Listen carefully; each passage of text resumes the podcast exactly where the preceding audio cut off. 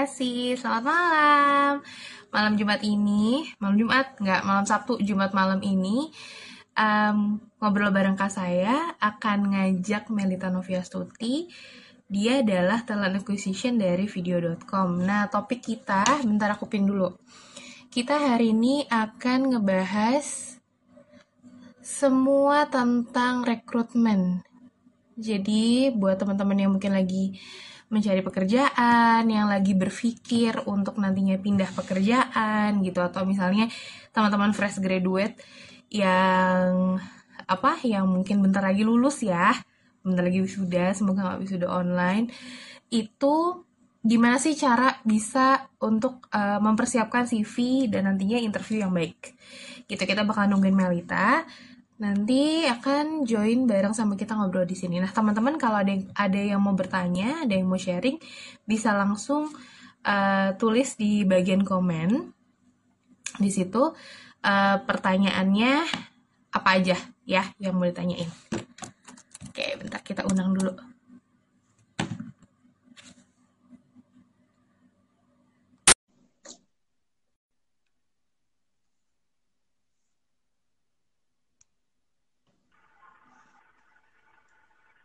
Hai. Hai, Ibu. Aduh, kenapa Ibu sih? Kayak di papa Udah, udah buka puasa. Bentar, bentar. Gue cari settingan dulu. Asli, Boleh. Suka gue, ya Allah. Kayak kebanyakan wudhu gitu. Bentar, bentar ya. Terang banget ya.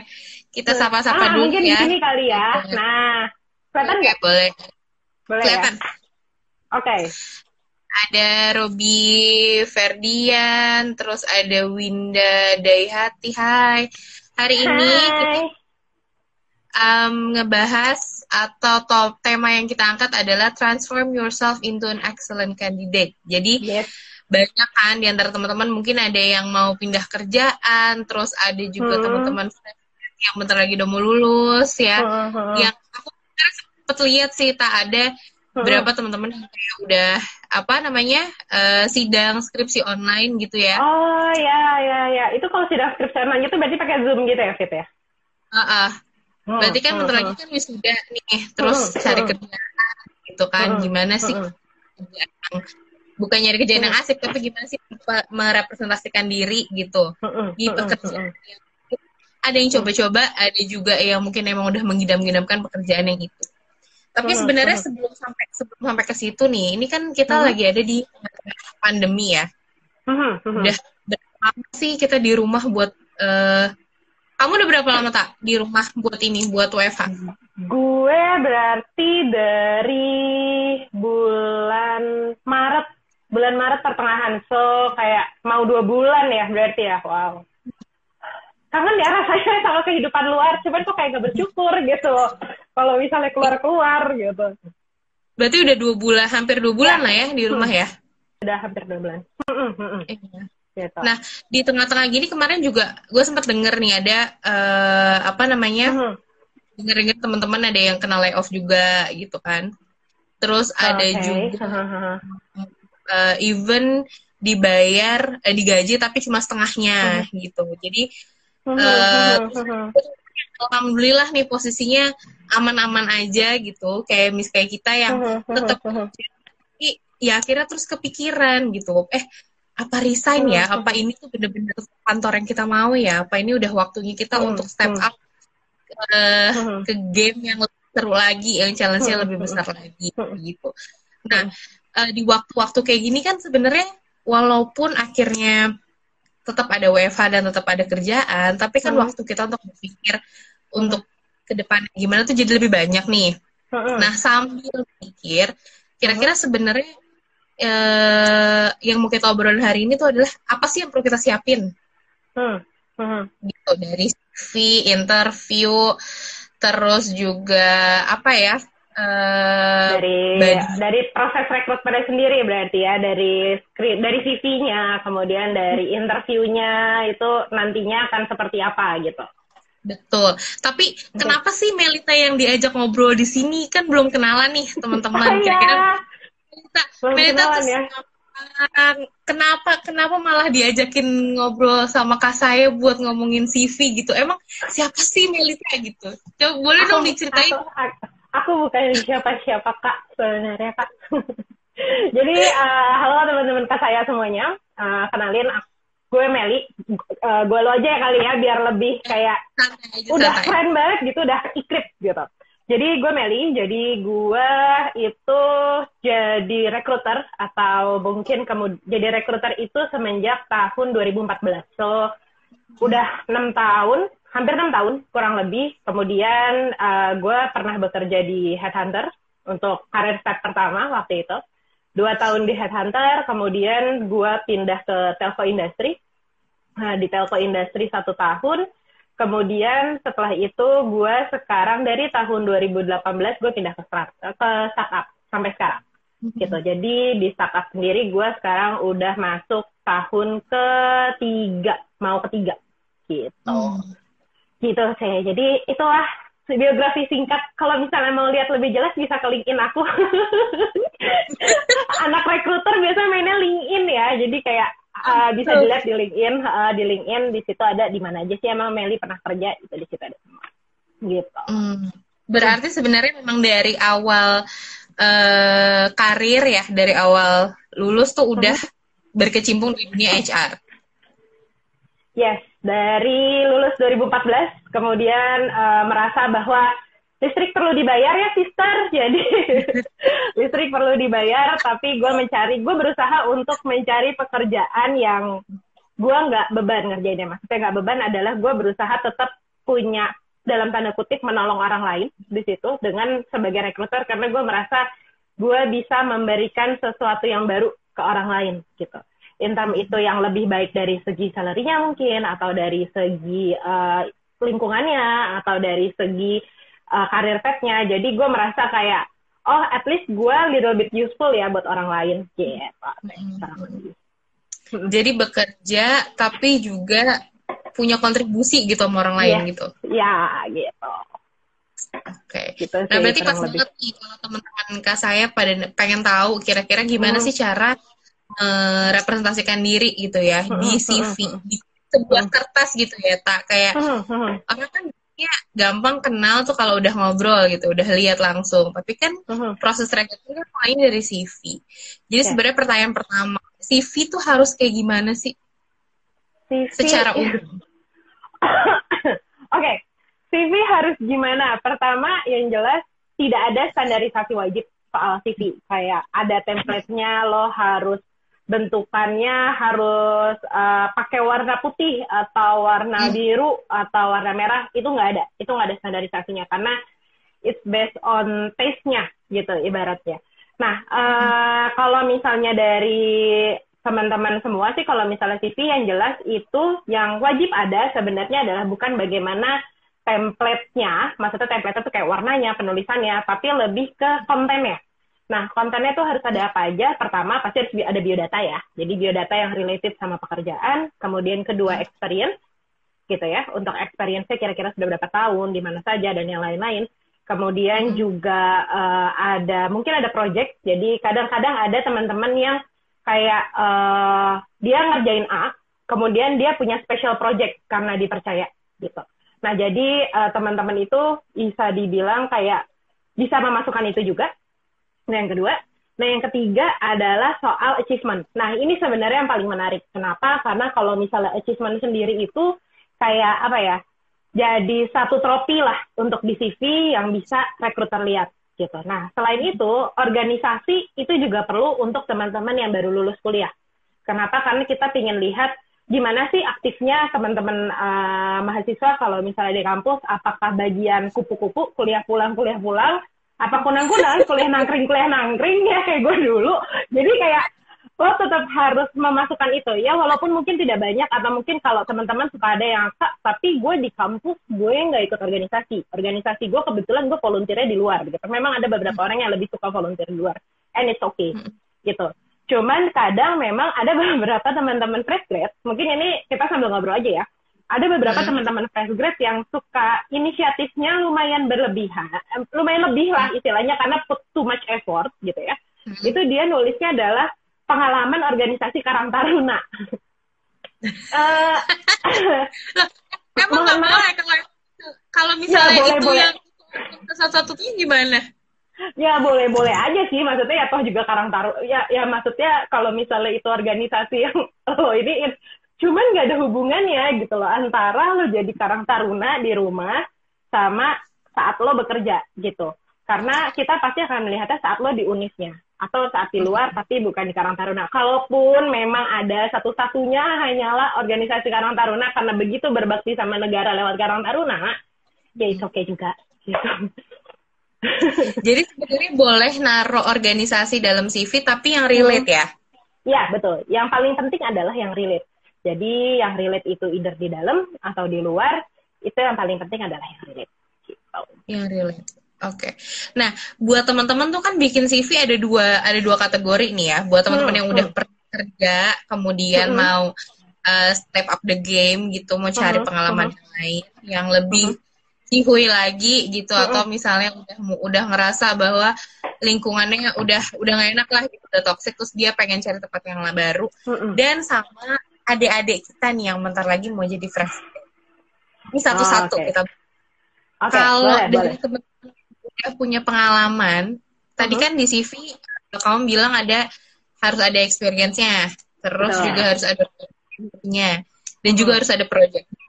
Kalau uh-huh. buat teman-teman yang udah kerja uh, dan kemudian mau membuat CV baru, apa aja sih sebenarnya detailnya? Apa misalnya cuma ditulis uh, kantornya aja, nama job desk-nya aja, eh, sorry nama pekerjaannya aja, atau emang harus sampai biasanya kan job desk banyak banget ya, sampai bisa hmm. belasan gitu harus semuanya kah ditulis atau sebenarnya kayak gimana? Ini untuk yang experience. Iya, Hana udah udah okay. punya pengalaman. Udah udah punya pengalaman ya. Jadi hmm. kalau misalnya untuk teman-teman yang udah punya pengalaman, uh, blunder yang suka dimasukkan adalah terlalu banyak uh, job desk yang ditulis atau tidak sama sekali ditulis. Jadi dia cuma nulis, let's say ya, uh, sales manager at pt hmm. bla bla bla. Atau misalnya uh, account manager at pt bla bla bla. Tapi nggak ditulis tuh job desknya apa. Kenapa kenapa uh, sebenarnya recruiter atau talent acquisition selalu melihat job desk? Karena uh, sales manager di di company A atau account manager di company A dengan account manager di company B itu bisa berbeda job desknya bisa aja hmm. dia kayak account manajernya yang satu lebih door to door lebih kayak nyari klien baru tapi account manager di perusahaan B itu lebih kepada uh, cari apa ya lebih kepada maintaining relation gitu okay. nah jadi that's why job desk itu perlu tapi perlunya itu nggak yang kayak lo ngerjain 10 job desk terus 10 10-nya lo tulis secara panjang lebar gitu juga nggak. Kenapa? Karena uh, new fact-nya efeknya adalah recruiter itu hanya punya waktu 30 detik untuk screening satu CV. Jadi 30 detik. 30 detik untuk satu CV. So you can imagine kayak lo bisa bayangin kayak kalau misalnya CV lo 15 halaman, percaya sama gue yang gue baca paling cuman kayak ini berdasarkan experience gue ya. Yang gue baca paling hanya sekitar 2-3 halaman pertama karena gue hanya hanya punya 30 detik dan dalam sehari CV yang masuk tuh bisa 150 sampai kalau abis job fair itu bisa sampai 1000 gitu. Jadi itu baik banget CV yang harus dibaca. Nah, uh, jadinya biasanya sebenarnya yang baik adalah job desk yang di yang ditulis adalah job desk utamanya atau job desk intinya. Let's say, okay. misal uh, apa ya, misalnya jobnya adalah recruiter deh, gue, gitu. Uh. Talent acquisition. Yang gue tulis apa sih? Yang gue tulis ya, gue ngapain? Misalnya pertama, gue adalah handling recruitment end to end. End to end tuh apa? Dari screening, interview, sampai yang lain-lain. Terus kemudian hmm. gue handle, let's say, partnership with university. Ketiga hmm. adalah misalnya gue handle kayak employee branding for LinkedIn yes, yes. Tapi itu secara hmm. general. Kenapa? Karena nanti ya secara detailnya itu mungkin gue akan memberikan kesempatan kepada kandidat untuk mengeksplor kayak, oke okay, lo A to Z screening sampai ini prosesnya seperti apa sih, medianya apa sih, itu di saat interview. Gitu. Hmm. Jadi job desk biasanya membedakan adalah lebih ke uh, detail secara generalnya, detail secara general tuh kayak kontradiksi ya. Maksudnya kayak generalnya seperti apa, uh, plus nantinya dia kayak kalau misalnya ada detailsnya tuh lebih baik kayak misalnya di satu company karena banyak nih ya misalnya company gede banget rekruternya ada banyak. Lo nggak handle yang apa sih? Misalnya lo nggak handle uh, being responsible for IT department misalnya. Hanya itu aja. Hmm. Jadi recruitment for IT department kayak gitu sih. Gitu. Oh, Oke.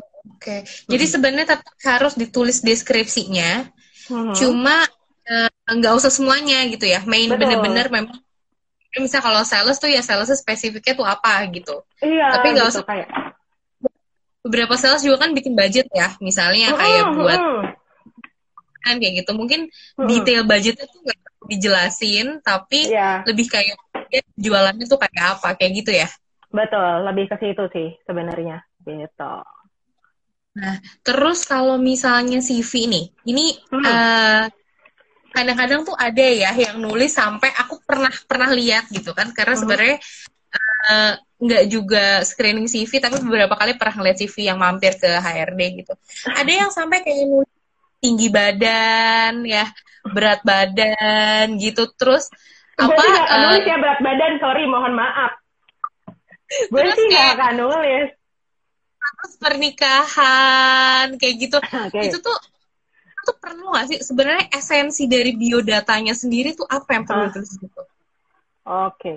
bentar ya ini kok kayak gue silo banget asli gue ribet sendiri gitu loh sorry loh guys nah okay. jadi ini ya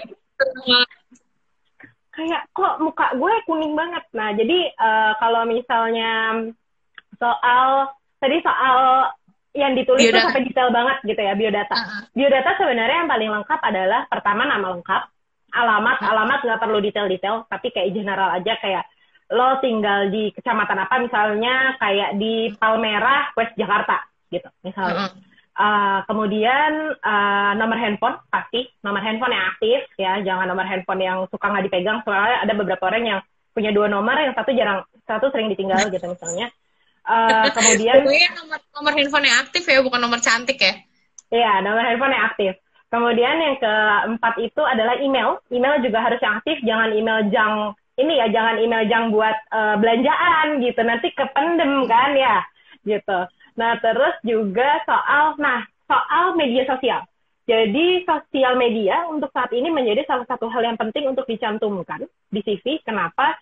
Karena itu adalah reference check pertama dari recruiter. Jadi, kita kadang-kadang uh, nulis kayak, apa ya, ibaratnya ya, uh, LinkedIn misalnya, gue naruh LinkedIn gitu. Jadi, itu nanti kita akan refer kayak, kita lihat LinkedIn ya. Atau mungkin misalnya desainer biasanya akan nulis porto portofolionya di mana. Misalnya apakah di Dribble ataukah misalnya di Behance misalnya. Sekarang ada juga atau di Wix. Nah jadi di situ atau juga IG IG biasanya juga balik lagi kayak misalnya anak-anak sosial media misalnya hmm. atau misalnya uh, yang lain-lain itu hmm. boleh banget ditaruh di situ gitu kalau alamat gitu. emailnya pakai nama alay ngaruh nggak sih kak kalau alamat emailnya pakai nama lain ngaruh nggak sih kak? Ya nggak ngaruh sih kalau cheesecake 009 gitu. atau kayak uh, raniqtest at yahoo.com gitu ya misalnya yeah. ya. Uh, itu sebenarnya ngaruh apa enggak uh, tidak disarankan sebenarnya. Kenapa? Karena kita kan ingin hire profesional. Jadi uh, kalau bisa jangan pakai email yang uh, tidak sesuai, maksudnya email yang tadi misalnya dalam tanda kutip email alay atau email yang gimana-gimana gitu. Karena kita pasti akan komen kayak, duh ini email profesional atau email junk ya gitu. Karena kita jadi mempertanyakan kira-kira masuk atau enggak emailnya gitu. Jadi sebisa mungkin sih tidak disarankan, sebisa mungkin bikin email ya sebaik mungkin, either nama lengkap, nama lengkap tahun lahir misalnya. Kan banyak ya alternatif email selain Ranicute at bla bla bla gitu gitu sih jadi sebenarnya so, memang uh, bukan bukan jadi hal krusial yang gede banget gitulah ya soal email. Uh -uh, cuma uh -uh. diri lebih baik tidak menggunakan email yang uh, alay gitu ya. Iya, jadi uh, ya namanya juga uh, talent acquisition juga manusia ya, kadang butuh ketawa gitu. Jadi kadang-kadang kalau gue kadang jadi kayak ketawa dalam hati gitu kayak ya Allah kok emailnya begini banget gitu. Gimana dong gue ya? Ya udahlah ya namanya.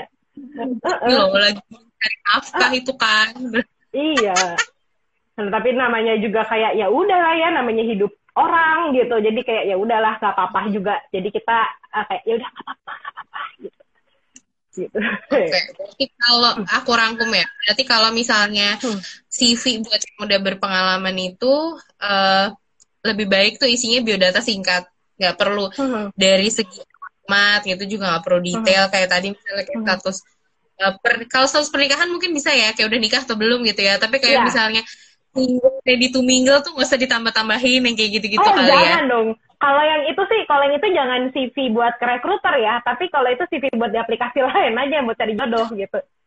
Single ready to mingle. Baik. ya Allah. Jaga image, gue, gue, gue, gue harus, harus Terus. Ya, oh gitu. Jadi singkat, lebih singkat aja. Terus kalau bisa juga ya. Dari segi uh, apa namanya dari segi email juga email yang benar-benar profesional gitu ya. Itu kan betul, kan soal betul. CV.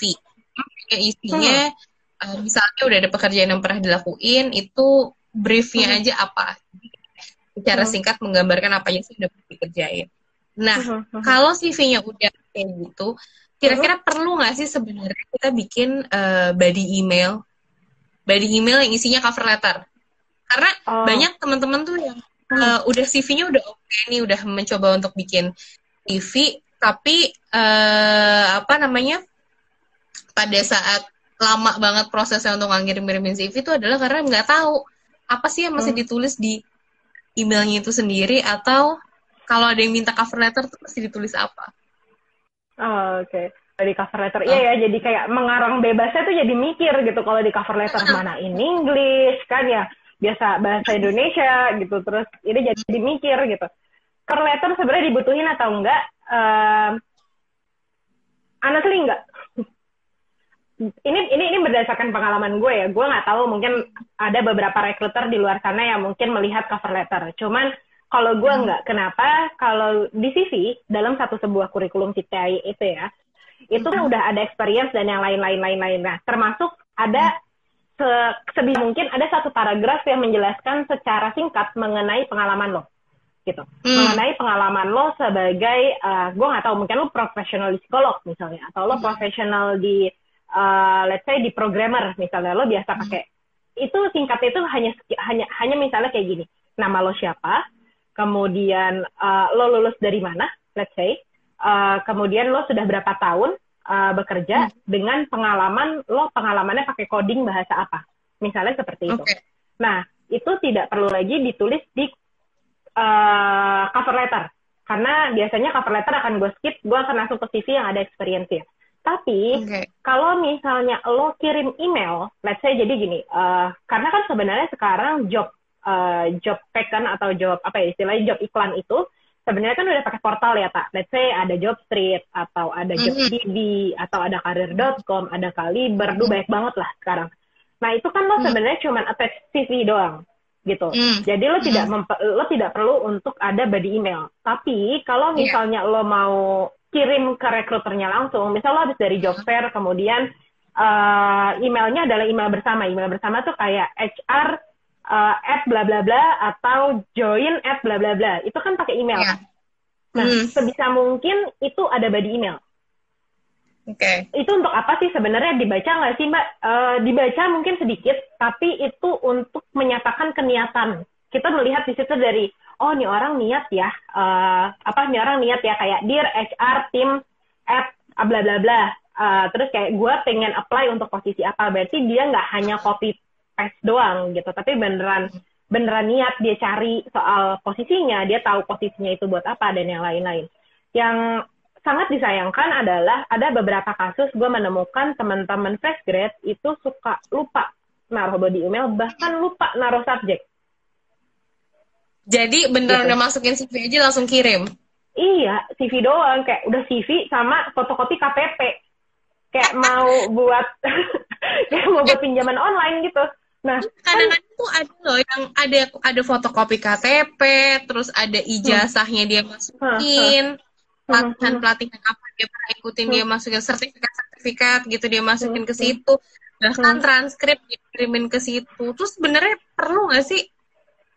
Uh, gue kalau bilang enggak marah gak sih? Padahal gini uh, kalau untuk experience kita bagi ya untuk experience itu mungkin tidak dibutuhkan karena gue lebih butuh okay. CV nanti pun jika kelengkapan datanya itu nanti uh, kelengkapan datanya itu akan diminta saat lo lagi interview. Misalnya lo minta diisi form misalnya, atau mungkin nanti lo pas onboarding lo diminta isi form untuk kelengkapan data-datanya dan yang lain-lain.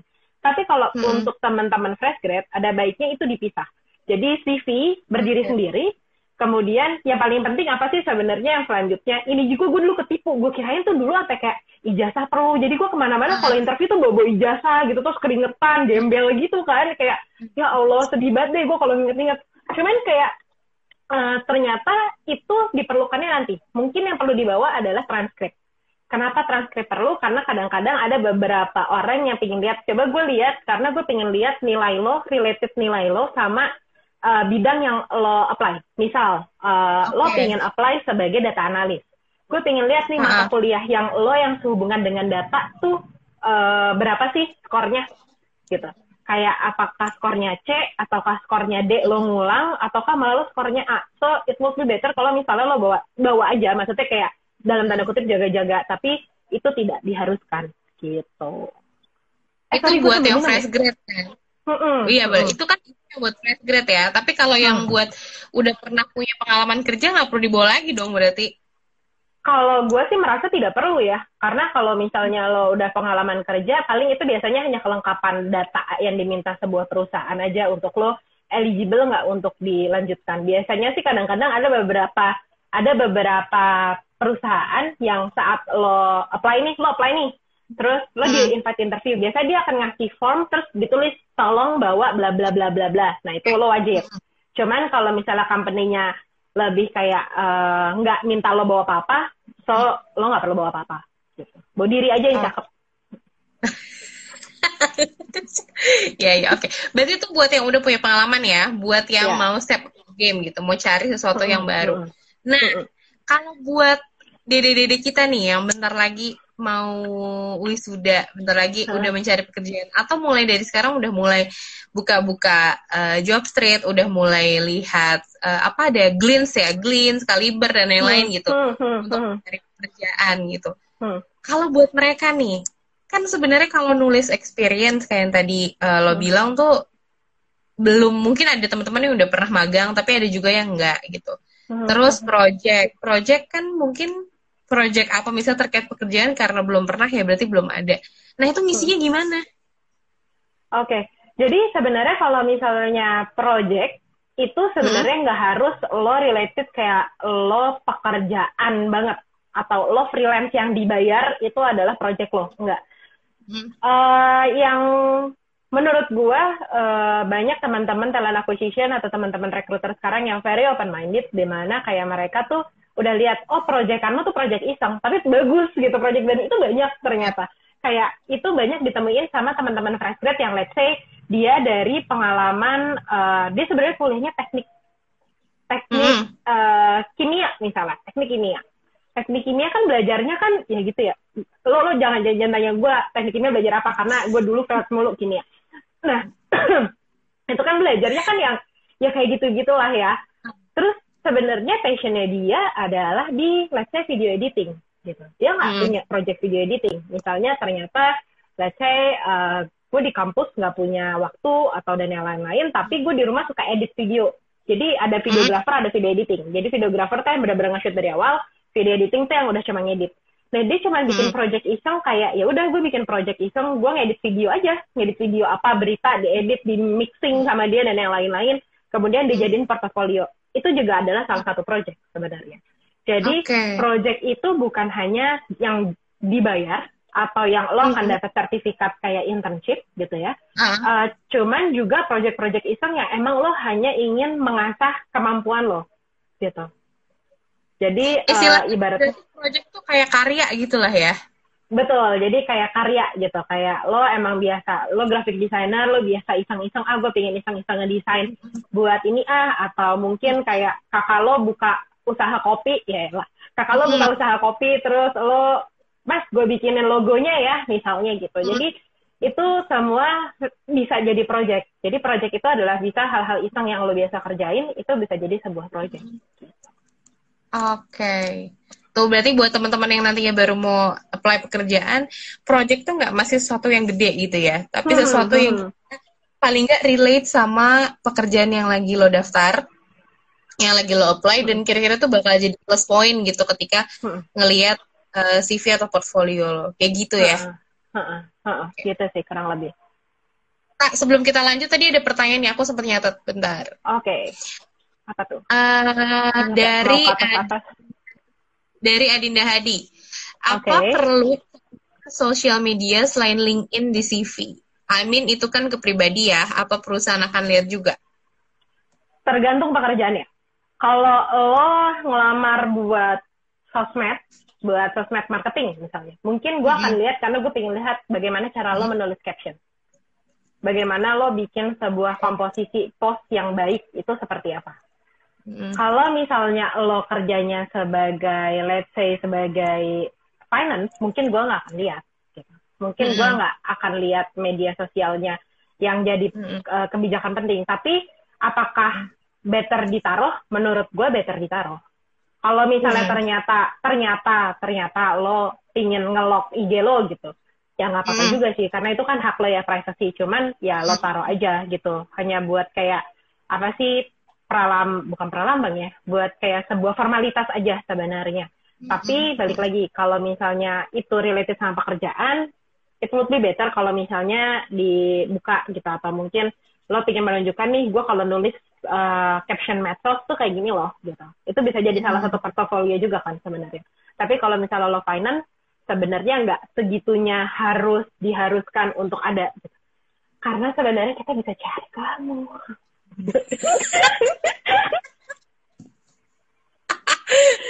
Iya sebenarnya sebenarnya kalau mungkin ini udah kandidat yang eh, apa ya udah yang udah terakhir lah gitu ya dari ngelihat Hmm, CV-nya hmm. oke ngeliat pengalamannya oke Hmm, tanpa hmm. dia mencantumkan sosial media di situ tuh sebenarnya recruiter bisa aja nyari sosial media dia gitu kan tanpa dia mencantumkan di situ.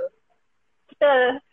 Karena biasanya recruiter tuh kepo-kepo asli, kepo-kepo banget. Makanya interviewnya bisa segitu dalam kan karena kita didasarkan kayak, oh lo kok gini ya, oh kalau gitu ya, gitu. Jadi Hmm. memang basic insting pekerjaannya tuh adalah ngepoin orang gitu. Jadi Hmm. ya memang kalaupun lo nggak mau naruh karena lo merasa bahwa it's a privacy, it's okay karena kita akan selalu apresiasi itu. Tapi kalau misalnya ternyata nantinya eh, ternyata nanti kita tetap menemukan walaupun kita kayak pas kalau pas ketemu gitu tetap aja kan gue gue kadang-kadang kayak eh gue minta sosmed lo karena gue udah tahu sosmednya apa. Cuma cuma dia mau ngasih nggak ya gitu. dia, dia dia dia dia dia, dia ngumpetin apa ya gitu kayak gitu. Berarti bisa Gitu. juga itu kandidat eh, untuk user gitu ya, itu bisa juga menjadi kandidat untuk diri sendiri gitu sebenarnya. Oh, oh itu itu itu itu banyak kok kasusnya bahwa rekruter kemudian hangout dengan eh, kandidatnya, hangout dengan eh, apa ya, dengan successful kandidat yang udah masuk kantor, itu selalu ada ceritanya. Ada cerita kayak gitu, pernah Ada, pernah ada, ada, ada. cerita. Pernah, pernah, pernah ada. Pernah ada Oke, udah kita, kita simpen dulu, nanti kita ngobrol lagi. Hmm, Ada hmm. pertanyaan nih, Dinda Hadi nanya lagi. Terus ada beberapa juga di CV udah merit, tapi pas cek KTP ternyata masih tertulis belum merit. Itu ngaruh nggak? Itu gimana ceritanya sih ditulis merit tapi kok jadi belum merit tuh piye? Eh, bisa sih, mungkin ini kali ya. eh, apa namanya? Kadang-kadang kan ada KTP yang belum sempet dirubah gitu mungkin. Jadi oh, oke. iya. Oke, oke, paham, paham, paham. belum ngurus gitu mungkin kali. Positifnya ya kak, Ya, ya, ya. Harus ya Allah, positif. ya nggak boleh jahat, nggak boleh jahat, nggak boleh jahat. Iya, jadi kalau misalnya beda kayak gitu ngaruh. Oh benar sih Pak Amalia komen be, be- belum update KTP-nya kali. Ya bisa bisa bisa. Itu ngaruh atau enggak? Enggak sih sebenarnya.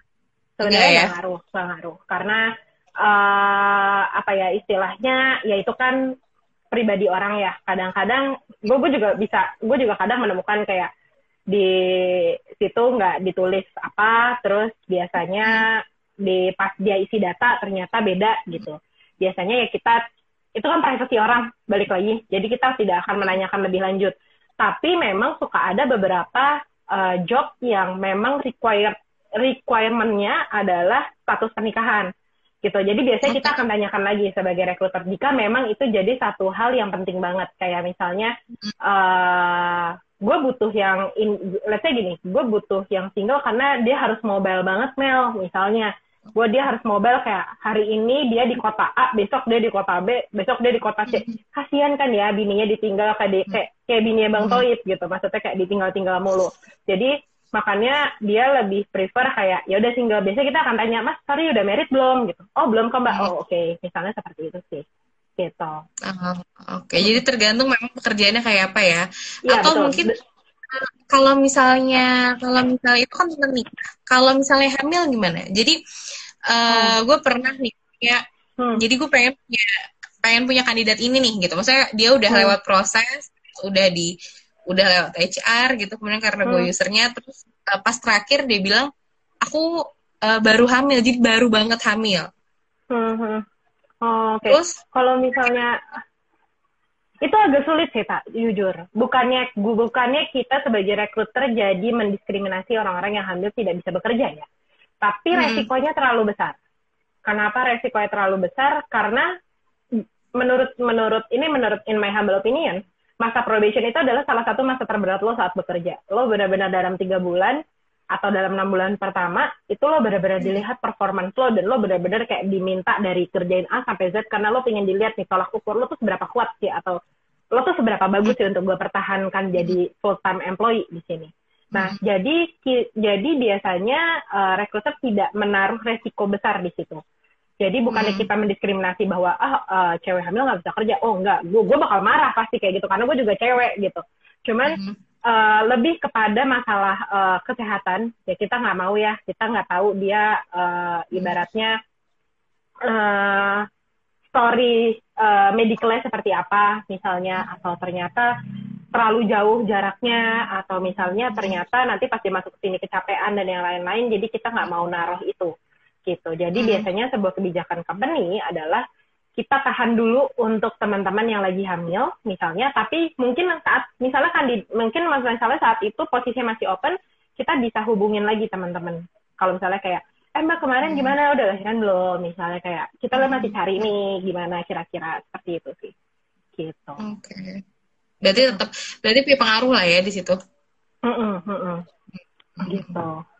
Oke, okay. teman-teman yang baru gabung, uh, hari ini kita lagi ngobrolin tentang uh, semua tentang CV dan juga apa ya, tak pengalaman Interview. kerja kali ya. Pengalaman kerja ya. Siapkan ya. diri untuk uh, jadi excellent candidate. Tadi kan hmm. udah ngomongin CV, terus udah ngomongin body email, sekarang kita ngomongin interview. Hmm. Eh, apa nih? Mbak Siva Amalia, boleh tanya, boleh langsung di komen aja ya. Nanti kita akan uh, apa bacain pertanyaannya. Tadi udah CV, udah body email, hmm. sekarang interview. Hmm. Apa sih bedanya interview uh, orang yang udah berpengalaman sama interview anak hmm. baru? Yang bener-bener baru cara ngebawain cara ngebawa diri yang benar yang nggak yang nggak akan dihina sama HRD gitu ya. Ya Allah. Yang nggak akan dihina yang kayak apa sih sebenarnya? Well, nggak nggak nggak ngehina juga ya gue ya Allah kayak jahat gitu. banget ya, gitu gue jadi HRD. Oke, okay. bedanya apa? bedanya apa? Pasti pertanyaannya beda. Kalau pertanyaan untuk teman-teman yang experience, biasanya dia lebih mengarah kepada uh, pengalaman kerjanya pengalaman kerjanya itu jadi kayak uh, lo ngapain aja sih pressure lo apa waktu kerja atau kayak mm-hmm. challenge lo apa waktu itu lingkungan kerja lo seperti apa dan yang lain-lain. Nah, uh, walaupun ada beberapa pertanyaan yang template ya, maksudnya template itu sama gitu. Nah, kalau misalnya untuk teman-teman nanti mungkin kita akan bahas yang template.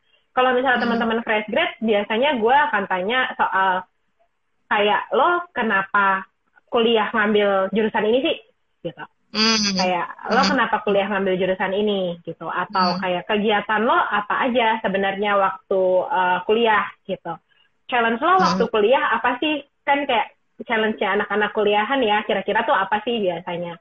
Ya walaupun ada yang suka jawab, ya kak challenge-nya membagi waktu karena aku mesti jadi biasanya ya, mesti jadi guru les misalnya, terus dia hmm. mesti uh, rumahnya jauh, tapi ada juga yang challenge-nya apa? Masuk pagi kak. Wah gila gue gue gue feeling related gitu. Waktu itu gue feeling related kayak wow aku juga waktu itu guys. Cuman itu bukan jawaban yang cukup baik ya sebenarnya. Karena itu kayak kita bahkan kita akan mempertanyakan kayak oke okay sih emang challenge, tapi kok jadinya kedengarannya itu bukan jawaban yang tepat karena lo nggak ada challenge lain selain lo pelor gitu ya, ibaratnya nempel molor gitu, ibaratnya kayak gitu.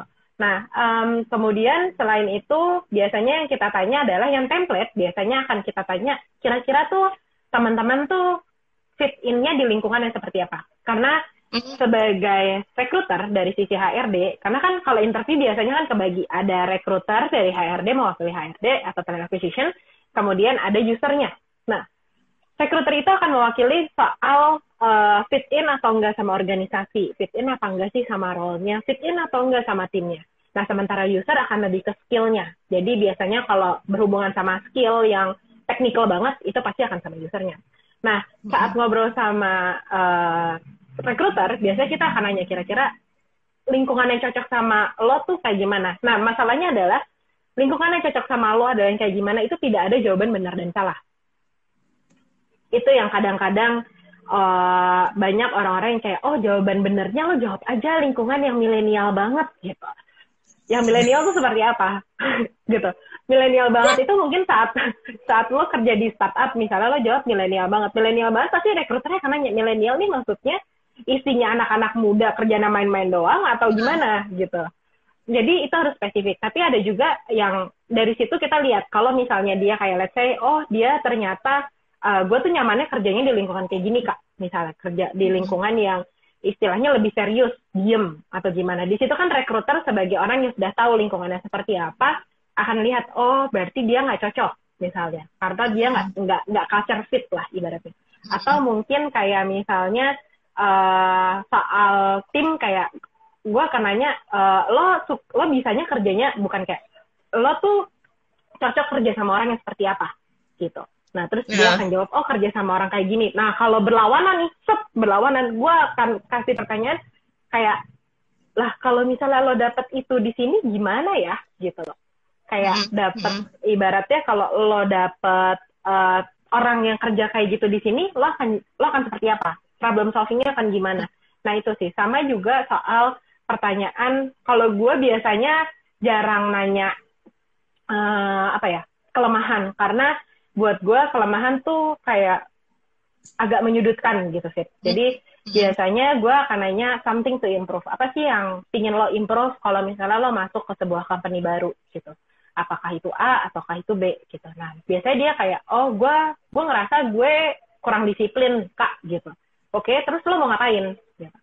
Jadi gue selalu suka sama dari gue pribadi gue selalu gue selalu suka sama orang-orang sama teman-teman uh, apa kandidat yang memang sudah punya jalan keluarnya gitu hmm. dan uh, gitu sih kurang lebih sih seperti itu ya gitu cuman ini di tiap rekruter bisa beda-beda ya karena uh, mungkin gue dengan temen gue yang rekruter di satu company pun mungkin bisa pertanyaannya bisa beda gitu tapi walaupun mungkin cara menyimpulkannya kurang lebih sama misalnya kayak gitu. Hmm.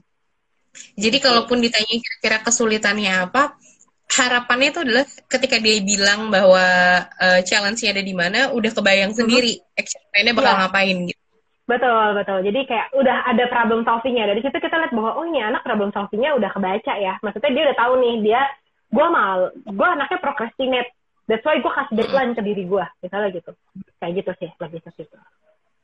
Berarti excellent candidate tuh nggak mesti perfect ya, tapi paling nggak dia bisa berefleksi uh, berefleksi sendiri, terus kemudian hmm. menemukan solusi atas hal yang perlu diimprove dari dirinya sendiri. Iya, karena gue sepanjang gue sepanjang gue nge-interview orang yang selama enam tahun ini, gue tidak pernah menemukan kandidat yang perfect banget, nggak pernah.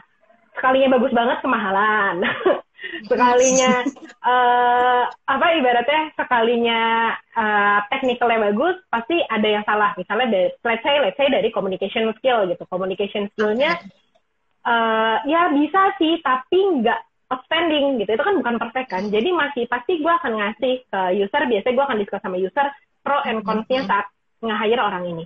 Gitu Berarti there's always a celebration and room for improvement gitulah ya. Mm -mm, mm -mm. Gitu. Jadi buat teman-teman jangan nggak nggak usah nggak pede dulu gitu buat ngedaftar iya. kerja, uh.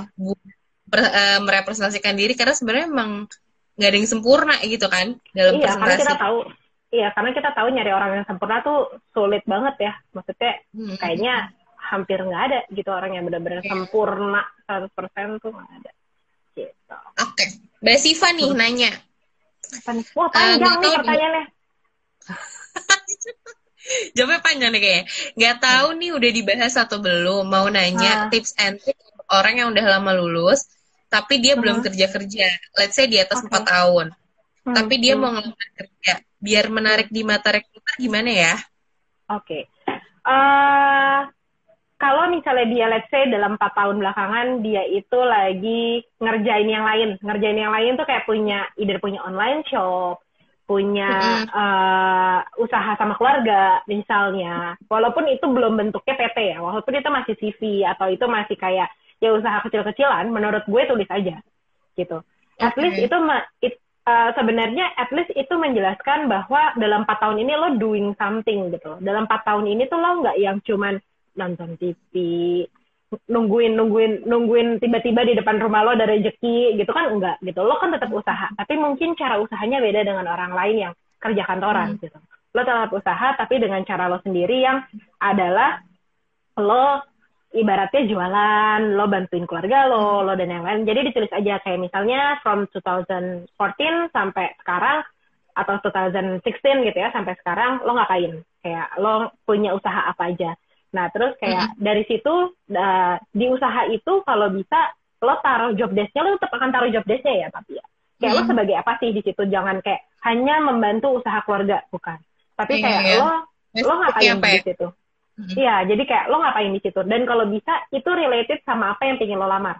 Ataupun Oke. kalau misalnya, ataupun kalau misalnya itu nggak related, itu kalau bisa ada ya lo taruh-taruh kayak experience yang bersinggungan lah dalam tanda kutip seperti itu. Hmm. Itu kan kalau linear ya, Ta ya. Kayak Hmm, misalnya hmm. Eh, Oke, misalnya dia selama 4 tahun nih dari 2016 sampai 2020 kerja, Hmm. nggak nggak kerja gitu, lebih ke proyekan aja.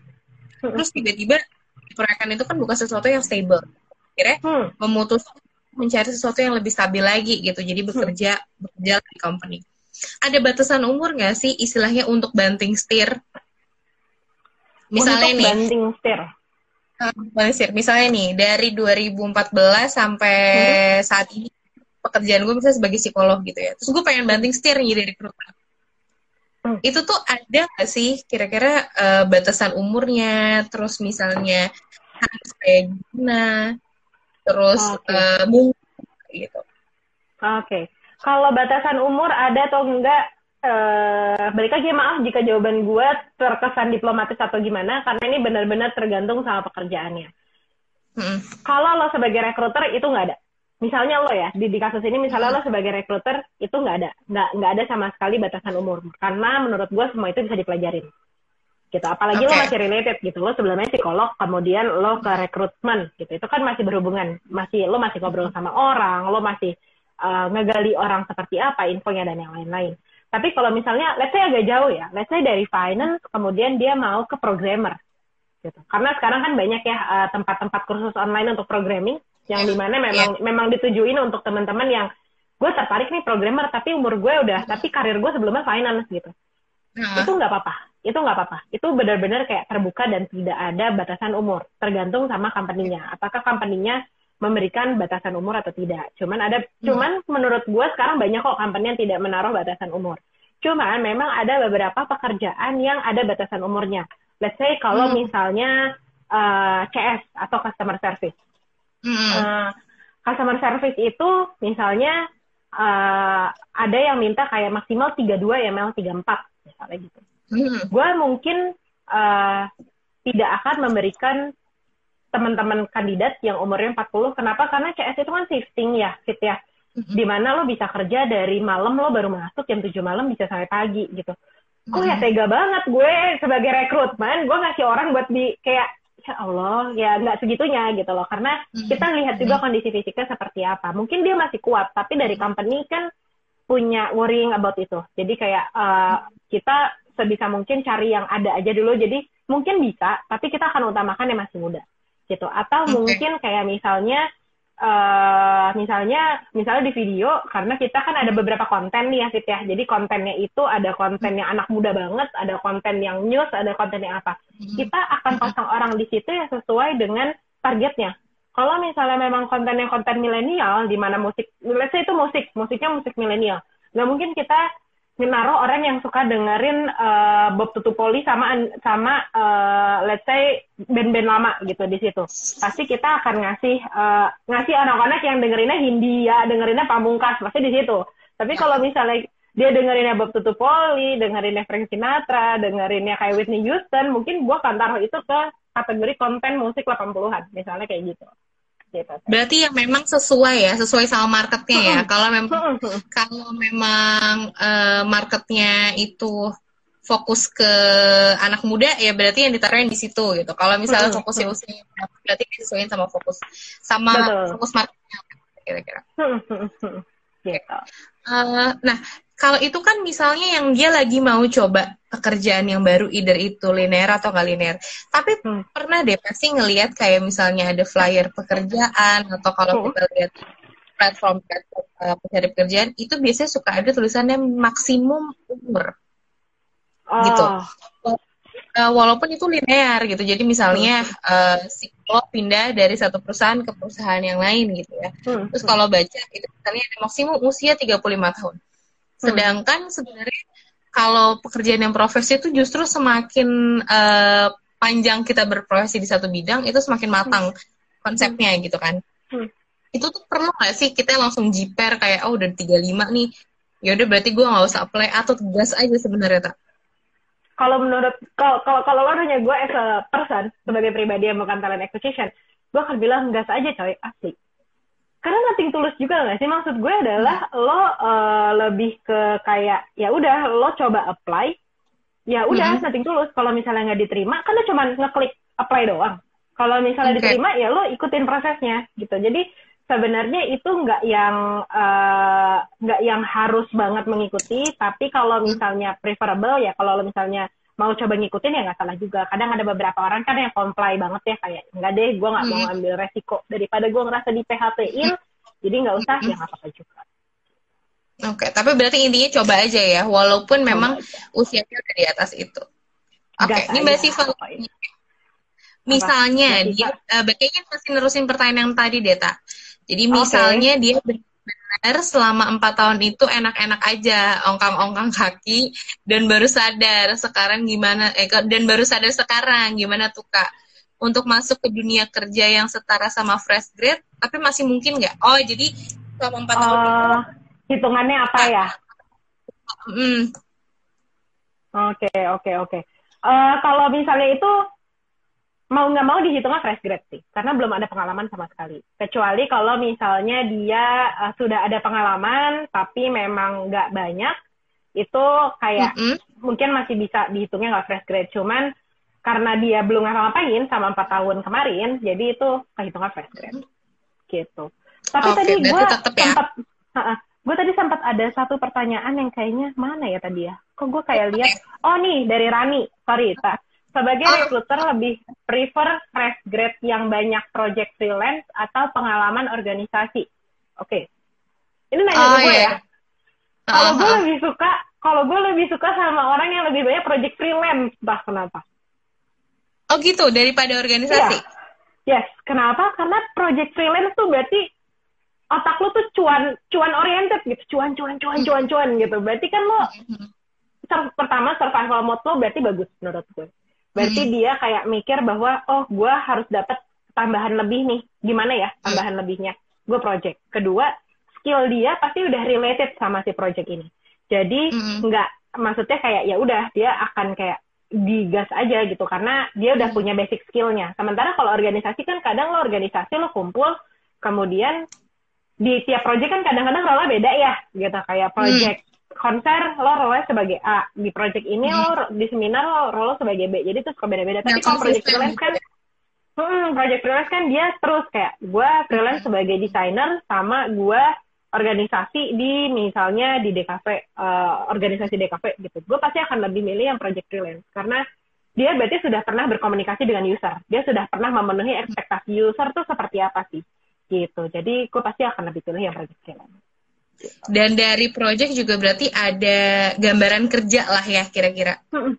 Iya, jadi oh. kayak oh dia udah pernah gimana nih deal sama klien, dia tahu caranya, dia tahu gimana caranya kayak komunikasinya tuh harus seperti apa sih, itu dia tahu.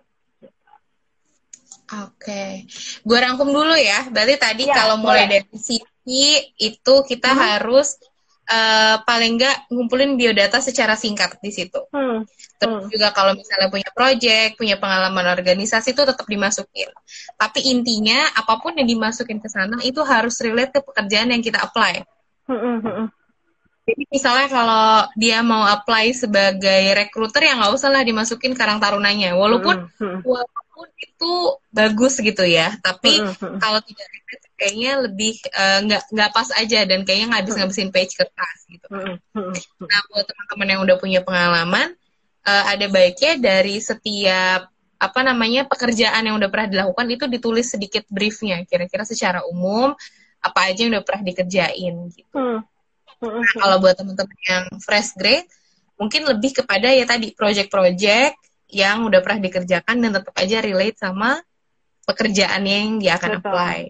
Betul. Buat body image sebenarnya perlu nggak perlu. Mm-hmm. Jadi perlu untuk sebagai apa ya kayak basa-basi gitu kali ya tak. Tapi sebenarnya misalnya kalau misalnya lo harus ngirim email, lo harus ngirim CV by email, itu perlu. Tapi kalau yeah. misalnya lo via job portal itu enggak. Oke. Okay ya ya masuk akal. Jadi pokoknya uh, kalau misalnya itu harus ngirim via email berarti memang harus ada bahasa basinya gitu ya kata betul, pembuka lah. betul Gak ya. Kayak ya masa lo ya kayak ngetok ngetok assalamualaikum lah paling enggak ya. Oke. Okay. dan kalau misalnya tadi terkait sama yang mungkin pengalamannya dari dari lulus sampai saat ini belum kerja terus juga mau pindah haluan uh, terus tidak sesuai sama kriteria yang diberikan itu hmm. intinya selama punya uh, apa ya punya skill dan punya kapasitas untuk pindah haluan itu sebenarnya gas aja ya tah Iya, itu sebenarnya gas aja. Mungkin bisa dimulai tidak harus langsung jadi profesional, tapi bisa. Nih kayak Rani baru komen, mungkin yang empat tahun idol bisa coba freelance dulu ya supaya profilnya menarik. Betul. Jadi kayak bisa hmm. dicoba dari freelance atau mungkin hmm. coba kayak project-project. Karena sekarang banyak banget tuh kayak website-website yang dia emang cari freelance gitu loh, cari freelance yang mm-hmm. satu project kelar, satu project kelar. Itu sekarang udah banyak mm-hmm. banget di Indonesia sendiri pun ada kalau tidak salah.